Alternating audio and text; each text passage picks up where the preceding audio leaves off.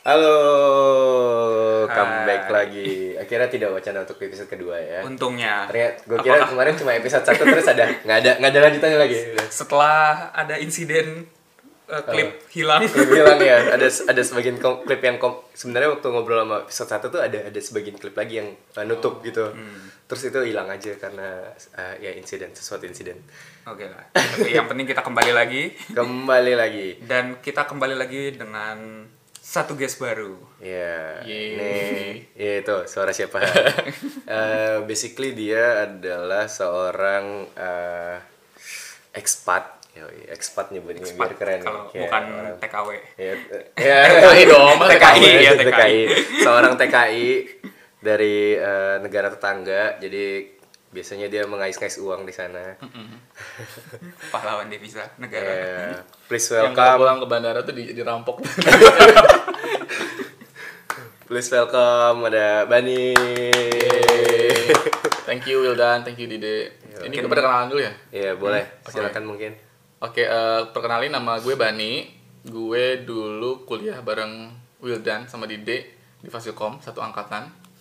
Eh, terus lulus gue kerja di salah satu perusahaan e-commerce sebagai UX researcher. Terus setelah itu pindah ke eh, Singapura di perusahaan transportasi online sama sebagai UX researcher juga. Mhm. Udah udah dua tahunan lah di Singapura. BTW bukan expat ya. Kalau kata orang tuh kalau di Singapura Oh gitu. kalau lu bule nyebutnya expat. Oh gitu. Kalau orang Asia namanya foreigner. gitu. Oh, rasis. iya, beda makanya. Oh, iya. Padahal kedudukannya sama gitu. Expat kan orang luar negeri yang bekerja di Iya. negara lu gitu kayak gitu ya. Tapi secara administrasi sama kan? Sama. itu doang rasis doang. Rasis sekarang nggak ada duitnya. Mereka nggak spending, spendingnya nggak Sobat sebanyak itu. miskin. Sobat Ah. miskin. Iya, Oke jadi mungkin kita pengen denger cerita dulu Bani dulu mungkin uh, apa yang ngebikin dia uh, decide buat oke gue kayaknya tertarik buat kerja di luar Indonesia gitu ya, Hmm. mungkin. Karena sebelumnya juga sempat kerja kan di Indonesia. Hmm. Jadi ceritanya sebenarnya agak-agak menarik ya. Jadi tuh dulu pas gue masih kerja di eh, perusahaan e-commerce itu, eh gue tuh sebenarnya udah resign. Oke. sorry, sorry, sorry. Sebelum- sorry, sorry. sebelum sebelum gue dapet- dapet eh, enggak sebelum gue proses ke perusahaan yang kedua ini, yang sekarang ini, gue tuh udah resign dari perusahaan yang pertama. Hmm. Uh, jadi kebetulan gue udah udah nerima di perusahaan lain, tapi di Indonesia juga. Oh. Terus suatu waktu ada yang WhatsApp gue kayak, eh jadi dia basically uh, manajer gue kayak eh tertarik nggak buat kerja di perusahaan ini di Singapura sebagai UX researcher. Ini man- manajer lu yang di perusahaan pertama tadi. Yang kedua, Oh, jadi dia udah approach lu duluan Ah, gitu. terus eh, jadi dia tahu tahu kontak gue dari LinkedIn sih. Aha. Oke. Terus ya udah di WhatsApp langsung. Terus nah gue tuh awalnya bilang kayak oh kayaknya nggak dulu deh soalnya eh gue udah tanda tangan di perusahaan lain.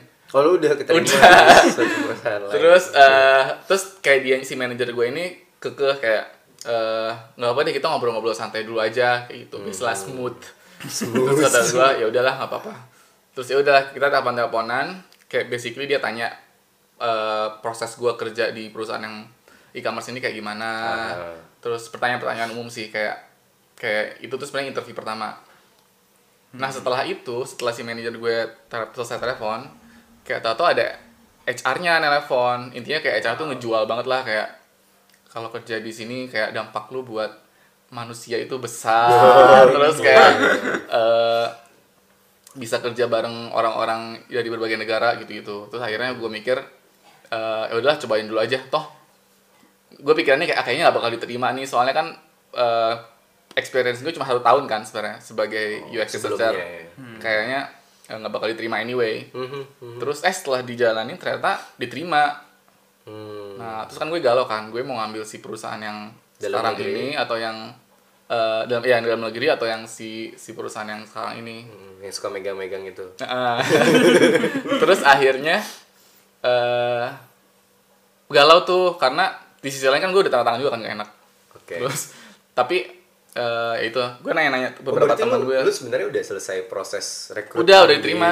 Lu udah tanda tangan Udah. di salary berapa gitu udah, ya? udah udah udah Lu kampret banget emang ya. terus akhirnya eh gue di email eh, sama si HR perusahaan yang sekarang ini Uh-huh. terus pas melihat gajinya gue langsung oke ya gue tidak perlu berpikir dua kali tidak, tidak tidak bohong memang ya. gitu sih terus ya udah gue minta maaf sih ke perusahaan yang udah gue eh, Tanda tangan itu yang pertama itu ya. nggak enaknya sebenarnya waktu itu gue tuh bilang emailnya tuh kayak hamin dua hari pertama gitu loh hamin tiga hari pertama jadinya Masuk. Ha-ha. Kantor gitu ya. harusnya better sih jauh-jauh hari gitu terus ya udah jadi sebenarnya kalau ditanya kenapa gue kepikiran buat kerja di luar negeri tadi gara-gara gaji eh sebenarnya gue nggak kepikir nggak nggak terlalu ada keinginan buat kerja di luar negeri sih karena Ah, dulu tuh yang penting bisa belajar aja. Lebih ke learning dan growth, Heeh. self development diri sendiri gitu iya ya. jadi boleh bilang itu kebetulan aja sih Karena kebetulan dia approach ya. Heeh. Iya, tapi ini fenomena yang cukup banyak sekarang ya di tech company ini. Betul. eh, apa, apa istilahnya tuh? Eh, Membajak. Nikung ya. Oh. Biasanya ngebajak ini nikung, Nikung. sebelum Even sebelum masuk ya. Iya. ditikung. iya benar Nah, talentanya lagi banyak ditarik-tarik ya. betul betul Oke. Terus sebenarnya kan gue penasaran dikit. Kan tadi lu udah tanda tangan sebenarnya di de- sama perusahaan. aduh gue enak kalau perusahaan yang kayak gitu. Cuma gue penasaran gitu eh, waktu itu nggak eh, karena lu udah tanda tangan sebenarnya ya sebenarnya udah ada legal hitam di atas putih gitu. nah Itu tidak adakah eh, dampak terhadap lu sebagai penanda tangan Aha. kontrak waktu itu atau jadi nah jadi waktu itu yang gue tanda tangan tuh belum kontrak fullnya tapi kayak dua halaman Oh. menyetujui hari pertama sama menyetujui gaji gue kalau nggak salah? Oke. terus jadi gue sempat nanya ke ke FUS waktu itu kan dia HR kan terus ke temen gue yang anak hukum Mhm. kayak ini kira-kira ada masalah nggak nih seandainya gue eh, Nggak ngambil. nggak ngambil terus kata mereka eh, kok kalau kalau ini belum Belum mengikat ya, belum karena itu bukan yang kayak berlembar-lembar Oh, iya, itu iya, bukan iya, itu iya, belum tenaga itu ntar kerja. jadi sebenarnya pas gue hari pertama gue harus ada tangan lagi jadi itu kayak Aha. cuma ini yang per- yang awal doang Oh, Oke. gitu Pantes. Gue yakin HR-nya sakit hati. itu. Ah. iya gue di email Sedih. maaf ya mbak kalau mendengar Pantes ini. dulu gue kayak langsung disuruh ke kantor gitu buat tanda tangan kontrak. Nah ini eh, kalau lu HR ya, kalau HR langsung aja tanda tangan kontrak langsung ikat. Iya. Karena uh, proses tikung menikung ini sudah sangat banyak pada umumnya. Jadi kalau udah ketemu orang yang pas, cocok, udah sama-sama setuju nih, suruh tanda tangan kontrak langsung. Kirain suruh langsung nikah. Ya jadi uh, mungkin gue juga penasaran nih kan tadi udah uh, proses dia masuk ke uh, si yang ijo-ijo yang lain. Ya, Ya, hijau yang ya kalian pasti tahu lah. ijo-ijo itu hijau Singapura. hijau-hijau Singapura. Nah, eh di sana lu lu diterimanya posisinya Iya, researcher. UX researcher. Oke, ini sama di perusahaan pertama lu dan Sama. yang perusahaan yang terima lu juga sama waktu itu. Beda. Oh beda, Oh, itu beda. bukan UX researcher. Beda. Jadi- Makanya lu mungkin salah satu faktor yang lu nggak mau juga ya. Gue dulu pengen jadi PM, jadi diterimanya itu jadi PM. Aha. Makanya itu salah satu faktor yang bikin galau juga sih karena waktu itu entah kenapa sebenarnya gue udah kekeh pengen pindah ke PM gitu loh dari UX Aha. ke PM. Cuma offernya eh, kebetulan opportunity-nya dapatnya UX research. Nah gue mikirnya mungkin nggak apa lah gue coba masih eh, ngejalanin sebagai UX research. Toh gue masih bisa belajar hal baru sama gue bisa dapet kayak exposure ke international work culture gitu loh. Oke. Nah, mungkin lu bisa cerita nih, kan tadi UX researcher. Ya. UX researcher itu ngapain sih? Mhm. Kira-kira. Jadi kalau UX researcher itu secara umum kerjaannya yang pertama eh kita ketemu sama usernya buat ngeriset terkait produk. Nah riset terkait produk itu bisa dua jenis nih. Yang pertama bisa eh kita belum punya produknya dalam artian kita emang Oke. kita nggak tahu nih apa yang kita nggak apa yang kita Apa mau yang kita tahu mau jadi kita udah ketemu user terus kayak cari tahu masalah dia apa aja yang sekarang terus kayak Hmm. dari situ masalah-masalahnya opportunity apa aja nih yang bisa kita bikin Oke. bisa juga eh, kita ngeriset ke sesuatu yang di mana produknya udah ada Bisa kayak jadi misalnya- evaluation gitu ya. Mm-mm, bisa jadi produknya konsep doang nih tapi belum ada UI-nya ya Oh, konsep oke. doang nah udah kita ke user terus kita Oh. kayak konsep testing bisa juga kita udah punya UI-nya terus kita usability testing kayak gitu Aha, oke. Jen- secara jelas sih kayak gitu sih melakukan riset yang pertama tuh istilahnya fun- fundamental research yang kedua itu evaluative research Mhm, Oke, ada du- dua. Kira-kira ada dua dua hal itu yang pada umumnya lo kerjain bolak-balik. Gitu, eh, terus aja. Indonesia, Singapura, ngomong sama user. Kira-kira untuk satu kali research itu berapa berapa user sih yang lo? Hmm, sebenarnya sangat tergantung. Jadi sebenarnya rule of thumb-nya adalah lu harus mem- lu harus berhenti nge-interview orang atau ngeriset orang di saat data lu tuh udah udah jenuh, udah saturate. Artinya Oke. lu mau nambah satu orang lagi nih, lu lu bakal tahu lu nggak bakal dapat data baru. Kayak Oh. learningnya udah cukup Ah. ya. Pada pada pada akhirnya ketika lo nge-research nambah user baru itu tidak menambah knowledge yang baru lagi. Yes, kayak misalnya lu udah nge-interview 8 orang nih. Uh-huh. Lu tahu nih kayaknya kalau kayaknya udah 7 8 nih udah udah nggak banyak informasi baru nih. Ya udah- kalau udah ada ulang- 9 ulang kayaknya lagi udah nggak gitu ini aja. lagi. Uh. Jadi biasanya kita sih eh, startnya misalnya biasanya lewat 6 atau 8. Ntar dari Oke. situ kalau kita ngerasa kurang ya udah kita tambah lagi. Oke. Kayak gitu sih. Tambahnya satu-satu gitu. Mm-mm. Hmm. Oh jadi eh, sweet spotnya antara 6 sampai 8 user. Iya kayak biasanya. starting pointnya sih. Oke. Pernah. Kecuali misalnya masih banyak hal yang kayak eh, lu curious lagi menambah curious Iya. lagi baru lu tambah lagi. Biasanya tuh kalau misalnya lu udah nge-interview 6 orang nih ternyata belum ada patternnya kayak setiap Oh, orang nih somehow beda banget. menginformasikan hal-hal yang berbeda banget. Nah, itu berarti kita harus cari tahu lebih banyak. Oke. Paling pernah paling banyak itu sampai berapa orang? Gue pernah 16 kayaknya. Oh, 16. Satu riset. dua kali lipat ya. Iya. Hmm. Gitu. Tapi kalau kayak user testing biasanya lima orang doang sih. Kayak Hmm, Lebih dikit ya kalau evaluative testing ya. iya lebih dikit. Kalau fundamental kan karena agak basically itu kayak kita nyari pattern tertentu dari si usernya Hmm. Iya. jadi eh, jadi lebih banyak gitu Iya. karena eh, Poin-poinnya bisa cer- banyak. certainty levelnya lebih rendah Mm. daripada kalau misalnya evaluatif kan udah ada barangnya konsepnya Iya. udah jelas gitu kan ini suka nggak gitu lebih lebih lebih Cenderung lebih sedikit sih. cenderung lebih sedikit ya Iya, bener sih Kalau evaluatif. terus em, gimana nih lu lu kerja di Singapura menurut lu challenge yang lu hadapin paling gede waktu lu pertama kali datang ke sana tuh apa sih Challenge-nya menurut gue dua sih. Yang pertama tuh kesepian. yang kedua bahasa Inggris. Oke bahasa Inggris Eh, mungkin yang pertama lu kesepian karena gue bisa dibilang nggak pernah ngerantau ya orangnya kayak oke ya Bani mah Bogor tinggal di Bogor, gue di Depok. Iya. eh, Bogor Depok Jakarta Bogor ah, Jakarta jadi hidupnya sebenarnya circle-nya situ-situ doang terus kerja waktu itu di Jakarta juga kan. Aha, aha. Jadi boleh dibilang gue nggak pernah jauh dari eh, orang tua sama teman-teman gue, eh, dari keluarga juga gitu. Mhm. Nah pas di Singapura, eh nah itu sebenarnya sesuatu yang nggak gue expect sih, kayak gue tuh happy happy aja terbang ke sana, ya, kayak. Iya.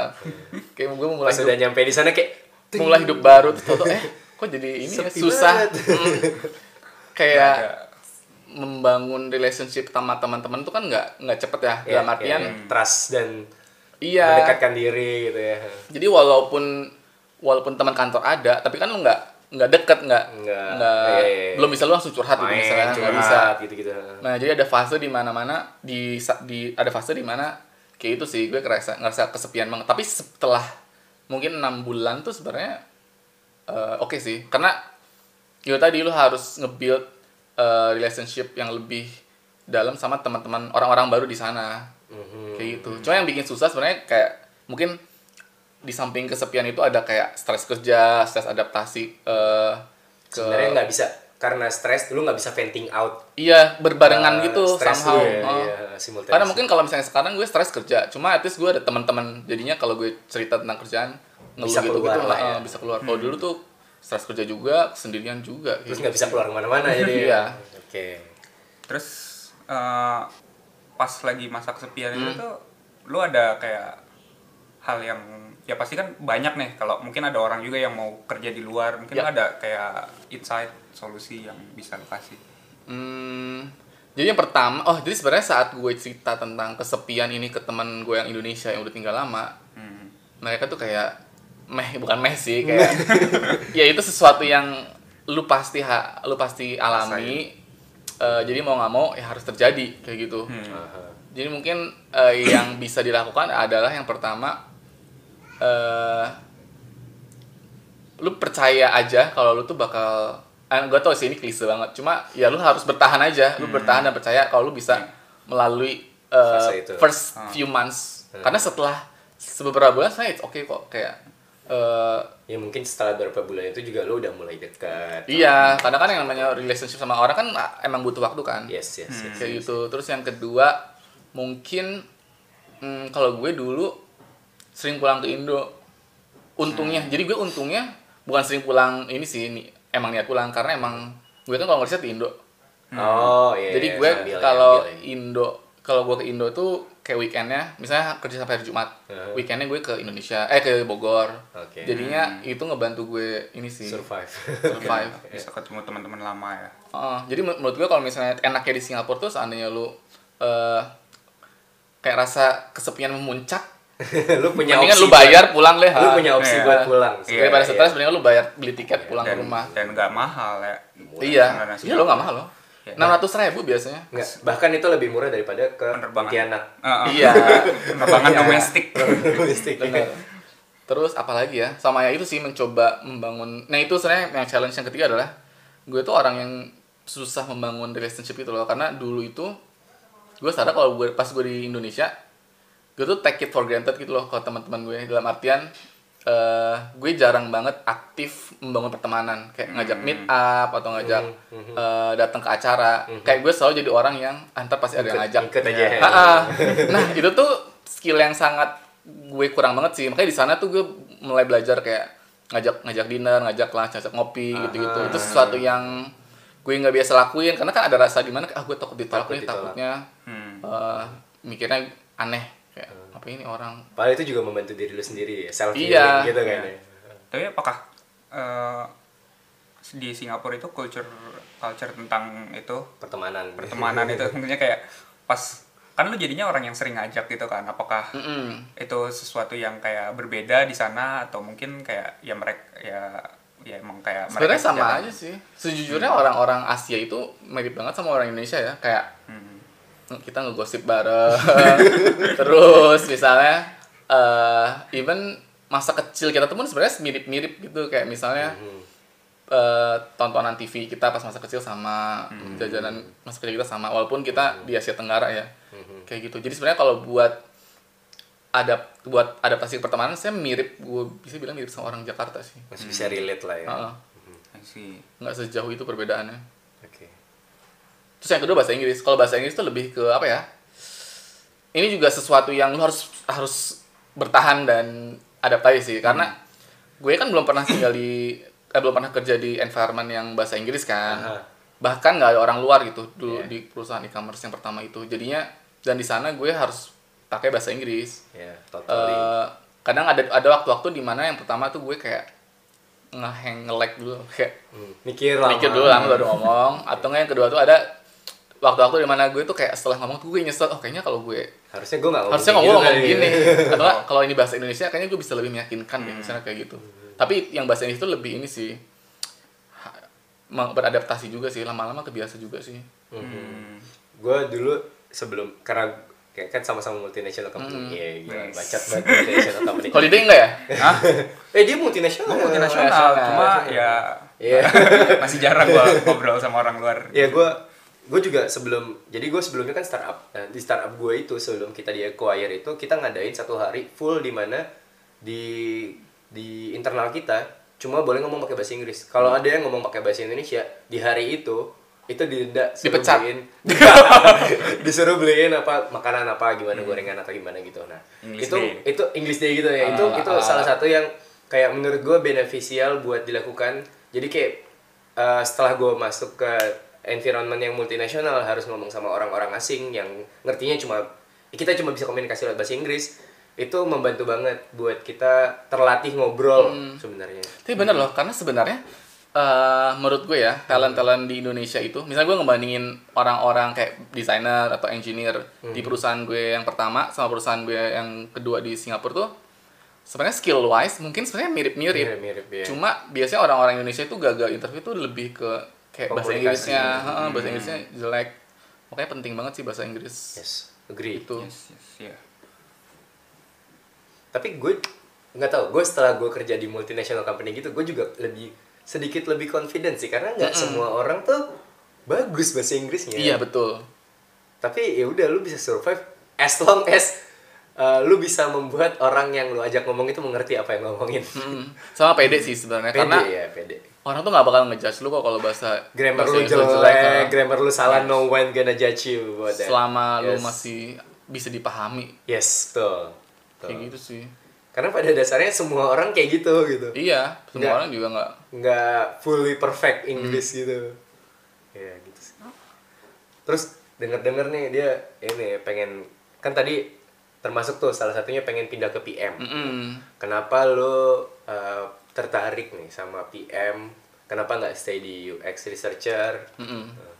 Jadi saya mungkin karena di UX research itu kebanyakan kan kerjaan gue itu fokusnya di di problem space ya dalam artian yes yes. eh, gue ketemu user, gue even sebelum product developmentnya ya? Iya gue ketemu banyak masalah, terus gue prioritasin nih masalah-masalah apa aja yang harus kita pecahin. betul. Tapi begitu masuk ke bagian eh, menspesifikasikan desainnya atau ke engineeringnya atau launchingnya tuh kayak implementasi uh, uh, implementasinya gue kayak lepas. Nah, gue Iya, tuh iya. pengen megang produk itu kayak lebih holistik, jadi kayak lebih Betul. end to end. Karena kalau jadi PM lu Yes, bisa yes. menyentuh Semua aspek hal kan, itu. secara general gitu loh. ya tapi nggak deep ke dalam sebenarnya ya Sama sebenarnya gue kayak kehilangan sisi IT gue sih sebenarnya.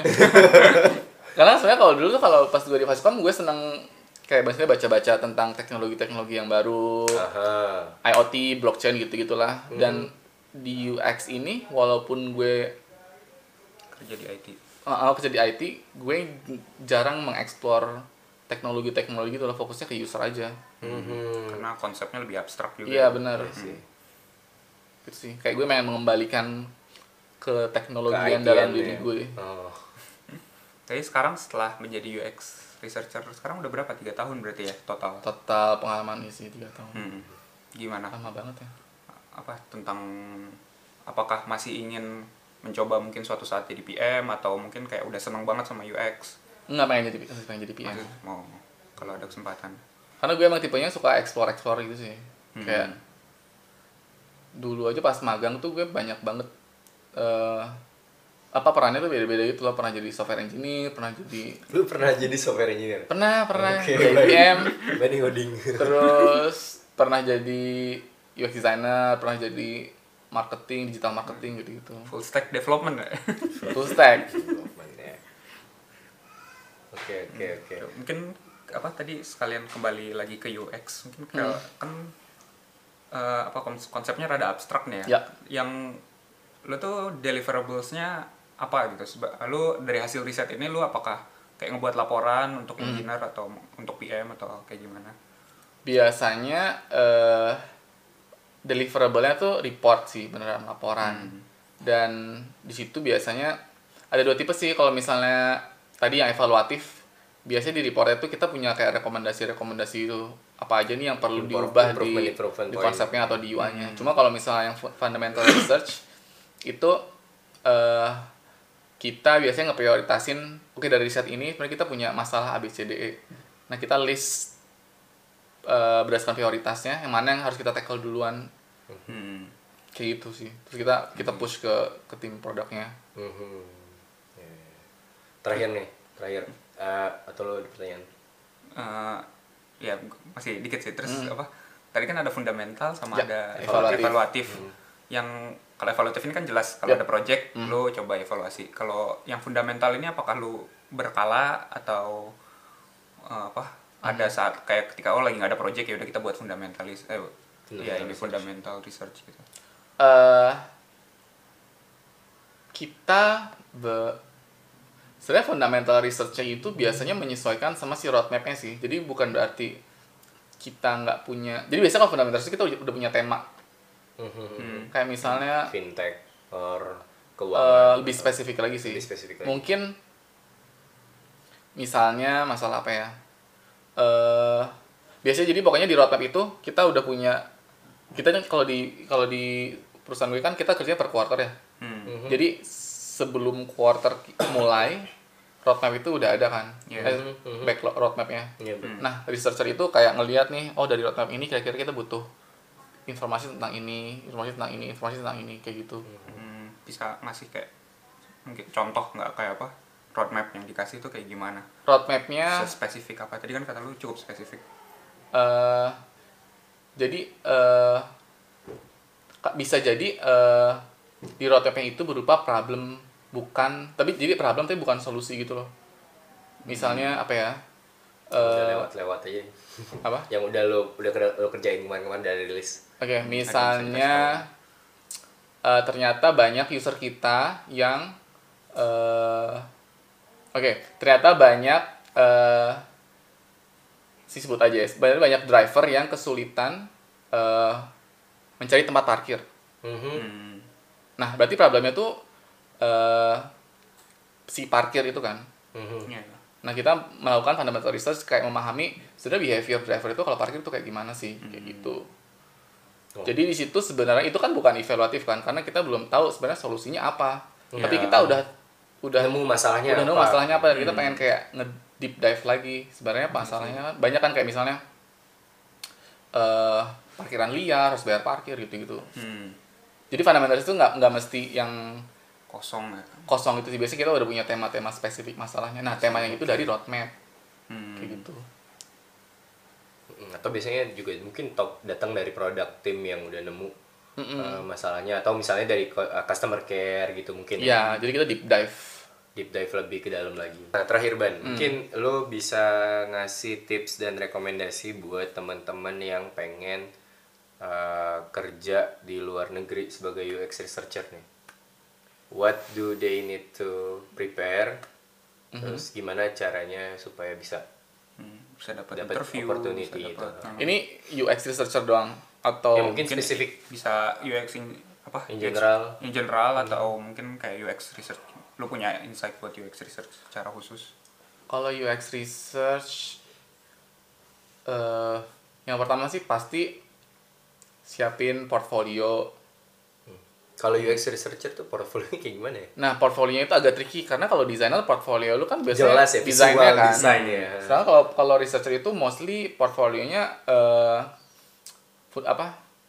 rahasia semua gitu loh karena Iya, karena lu kan even hasil researchnya pun rahasia tapi nggak apa-apa biasanya di di portfolionya lu bisa kayak sensor angkanya atau Ah. sensor findingsnya yang penting kita pengen tahu proses lu tuh kayak Proses. gimana peran lu di situ apa aja Oke. cara kerja lu sama stakeholders tuh kayak gimana kayak gitu Oke. sih jadi mungkin kalau misalnya sekarang lu kerja jadi UX researcher lu bisa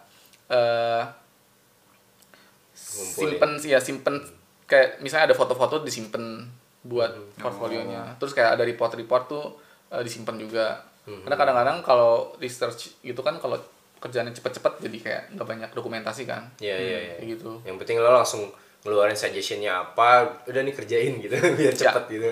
Tapi itu penting banget buat mendokumentasikan seluruh uh, proses dari Hmm. research lu sendiri, terus gimana lo mendapatkan findingsnya, mungkin cara berpikir di dalam uh, researchnya sendiri Hmm. gitu-gitu mungkin penting ya buat dikumpulin. Terus yang yang kedua paling eh, mungkin pada dalam skill researchnya ya karena UX research itu sesuatu yang baru yang jadi sebenarnya UX itu kan kombinasi bukan kombinasi sih diturunkan dari riset-riset eh, tradisional atau riset-riset akademis. Dari riset psikologi, riset pemasaran, eh, perilaku ekonomi dan lain-lain. Jadi mungkin eh, pedalam lagi sih si si ilmu-ilmu itu. Kayak dulu dulu juga gue belajar UX research sendirian sih. Kayak otodidak dalam artian gue belajar riset masalah tuh kayak gimana riset psikologi kayak gimana bikin eksperimen kayak gimana statistik gitu gitu Mhm. jadi ya mungkin belajar belajar atau kalau bagus kalau bisa cari mentor juga Mhm. terus yang ketiga itu sih bahasa Inggris Bahasa Inggris. ya. Karena komunikasi penting banget ya. oh, iya Mentor, mungkin Anda mau jadi mentor ntar buat yang mau silahkan research. isi di bawah buat yang pengen cari cari tahu lebih banyak bisa kontak Bani di Iya. ya, Bani Rahma Syahrani. Iya. Mungkin cari di linkin aja Muhammad Apalagi- Rahma Syaroni. kalau yang suka di UI UX mungkin sudah sering dengar soalnya sudah banyak ngisi. enggak enggak baik Kenal banget nih teman kita. gue tuh malas tau kalau bicara bicara gitu karena kadang-kadang tuh suka ada orang-orang yang tau gak sih eh dia tuh suka bicara di, di umum di public speaking. Tapi sebenarnya kerjanya nggak bagus suka ada yang kayak gitu. Oh. nah gue nggak mau dicap jadi orang-orang yang oh, Udah ngobrol. ini. sering ngomong di luar tapi sebenarnya kerjaannya jelek Oke. Beda lagi. Bani. Udah Bani mah kerjanya bener kok. posisinya udah tinggi ya di perusahaan sekarang. Oke, thank you Bani udah mau datang jadi guest Sama-sama. kita hari ini. Mohon maaf kalau ada salah-salah. Thank you juga udah Eh, diundang. dapat banyak insight ya Iya. tentang UX dan kerja di luar. Kerja di luar ya. Buat teman-teman yang dengerin podcast ini mungkin eh, kita minta eh, feedbacknya juga kalau misalnya eh, pengen ngasih feedback bisa ke mungkin Twitter kita, ntar kita buat ya, belum ada soalnya. Ya gimana sih Astro ini? Podcast. Nanti kita buatin setelah podcast ini. Terus taunya akunnya udah diambil orang. Ntar kita tulis di deskripsi ininya. Eh, iya, Podcastnya. podcastnya. Nah, jadi segitu aja. Semoga kita ada episode eh, keempat, eh, tiga, Ketiga. tiga, episode Sedih tiga. banget, Semoga ya. Semoga tidak wacana. Oke, thank you, bye bye. Thank you.